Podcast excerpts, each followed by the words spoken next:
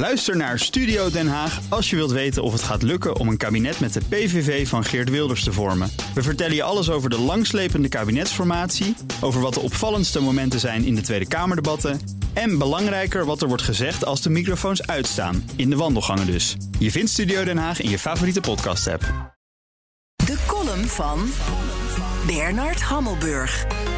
Met het intrekken van het visum van tennis-superster Novak Djokovic heeft de Australische regering een putdeksel opengetrokken waaruit allerhande vuiligheid naar buiten komt.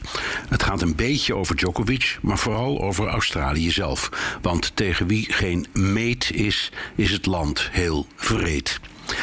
Over Djokovic, die tegen vaccinatie is, mag iedereen denken wat hij wil. Hij heeft bijval, maar ook felle kritiek.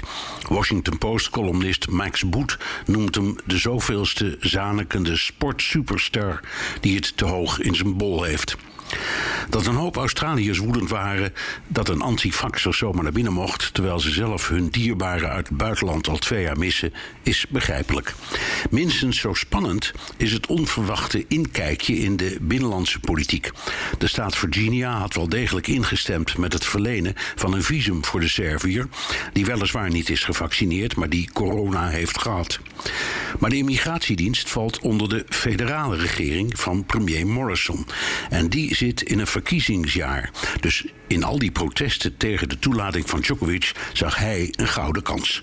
De immigratiedienst sloot hem vervolgens op in een hotel dat onderdeel uitmaakt van het beruchte Australische stelsel van detentiecentra voor immigranten.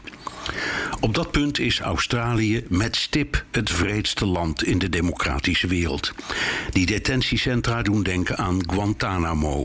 Het zijn gevangenissen waar de gedetineerden soms jaren wachten op een visum.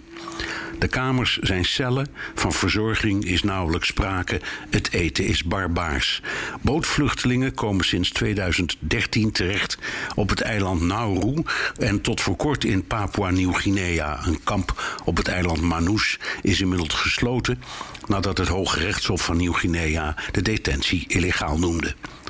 Het is dus begrijpelijk dat de gedetineerden Djokovic via de media hebben opgeroepen om voor hen in actie te komen. Hij heeft het even zelf meegemaakt en met zijn eigen ogen gezien. Voor de vluchtelingen in detentie is de tennisster geen eigenwijze wappie, maar een metafoor voor hun eigen onrecht.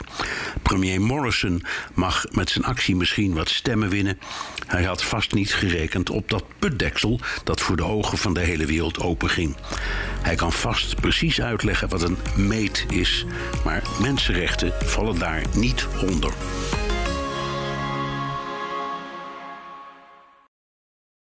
Ook Liesbeth Staats vind je in de BNR-app. Ja, heel handig. Luister live naar Kees en mij tijdens de Daily Move. Dan blijf je ook gelijk op de hoogte van breaking news en het laatste zakelijke nieuws. En daar vind je ook alle BNR-podcasts, waaronder de Perestrooikast. Download nu de gratis BNR-app en blijf scherp.